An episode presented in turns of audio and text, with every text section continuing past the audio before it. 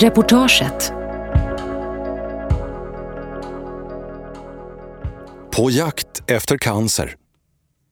En misstänkt fläck på patientens smalben fångar hudläkaren Åsa Ingvars uppmärksamhet. Hon är en av de läkare som under en kampanjvecka i maj screenar patienter efter farliga prickar. Förra året hittades 100 personer med malignt melanom. Ett tatuerat skepp på ena axeln vittnar om 79-åriga Hans Eberstams många år till sjöss. Jag har solat så in i vassen. Jag älskar solen, säger han.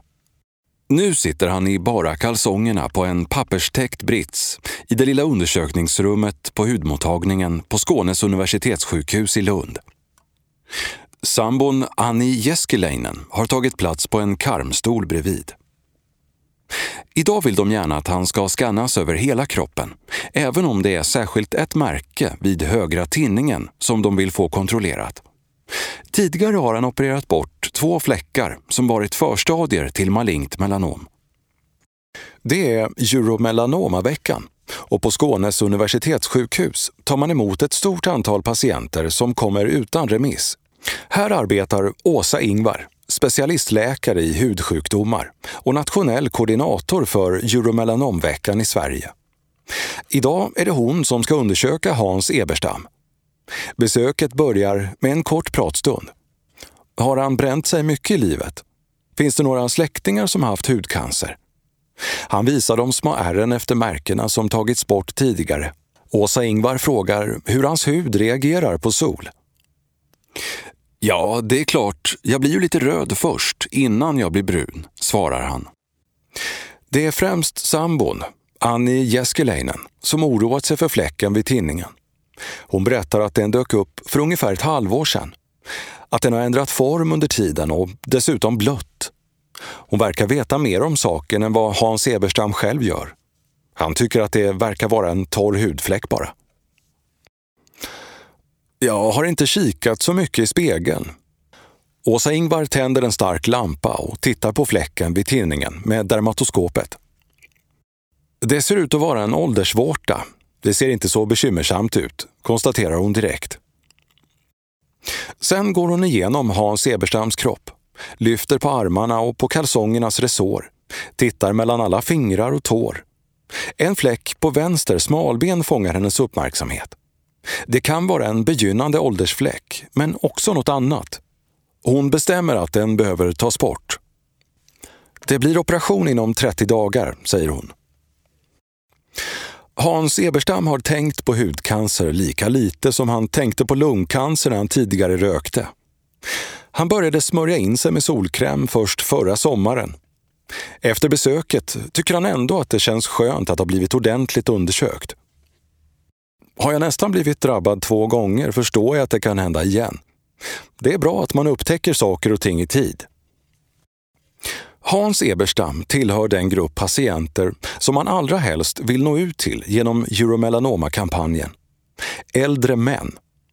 De är generellt sett inte lika duktiga som kvinnor på att screena sig själva och inte heller lika benägna att söka vård för misstänkta hudförändringar.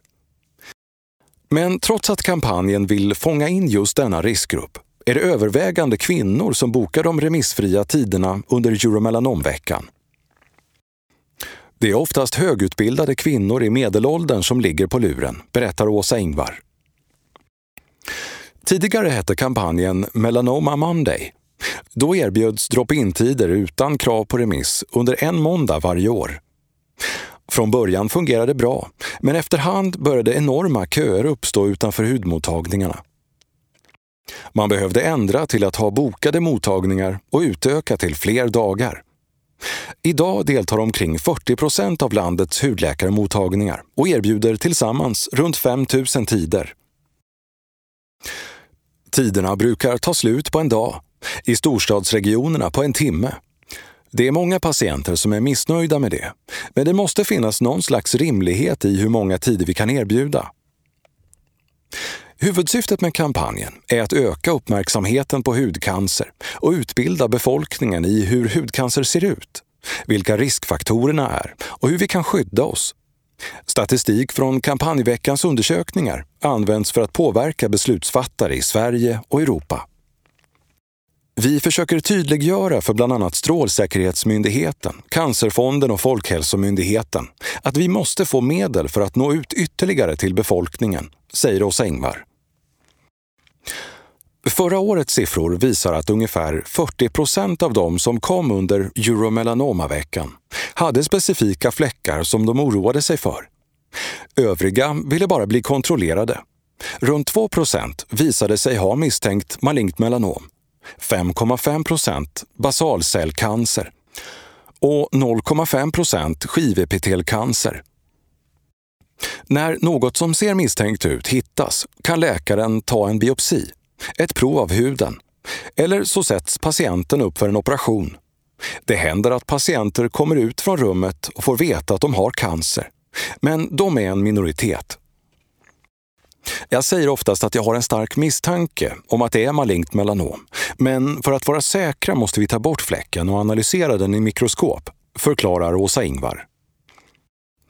Sol ute, sol inne, sol i hjärta, sol i sinne har någon skrivit på mottagningens anslagstavla.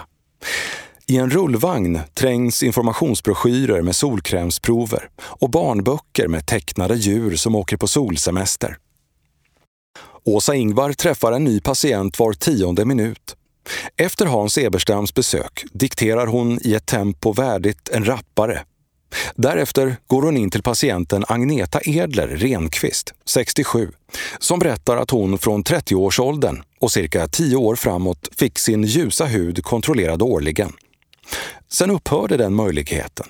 Två av Agneta Edler Renqvists bröder har haft elakartade hudförändringar i ansiktet. Fläckarna såg ut ungefär som det röda märke i pannan som hon nu själv är här för att få undersökt. Det här dök upp för över ett år sedan jag är inte orolig. Vad jag egentligen är bekymrad över är att jag har fräknig, känslig hy och att jag inte får den där besiktningen längre. Det var tryggt förr i tiden. Är du allergisk mot något? frågar Åsa Ingvar. Nej, jo, sol, svarar Agneta Edler Renqvist och visar underbenets rodnad efter att hon vistats ute i ankelkorta byxor utan att smörja in sig. Åsa Ingvar tittar med dermatoskopet på märket i pannan och kan direkt konstatera att det rör sig om en kärlutbuktning och ingen tumör. Det är helt godartat, säger hon. Efteråt är Agneta Edler Renqvist belåten. Det är jätteskönt. Det är ju inget farligt. Jag har ett stopptecken i pannan bara, men det får jag väl ha.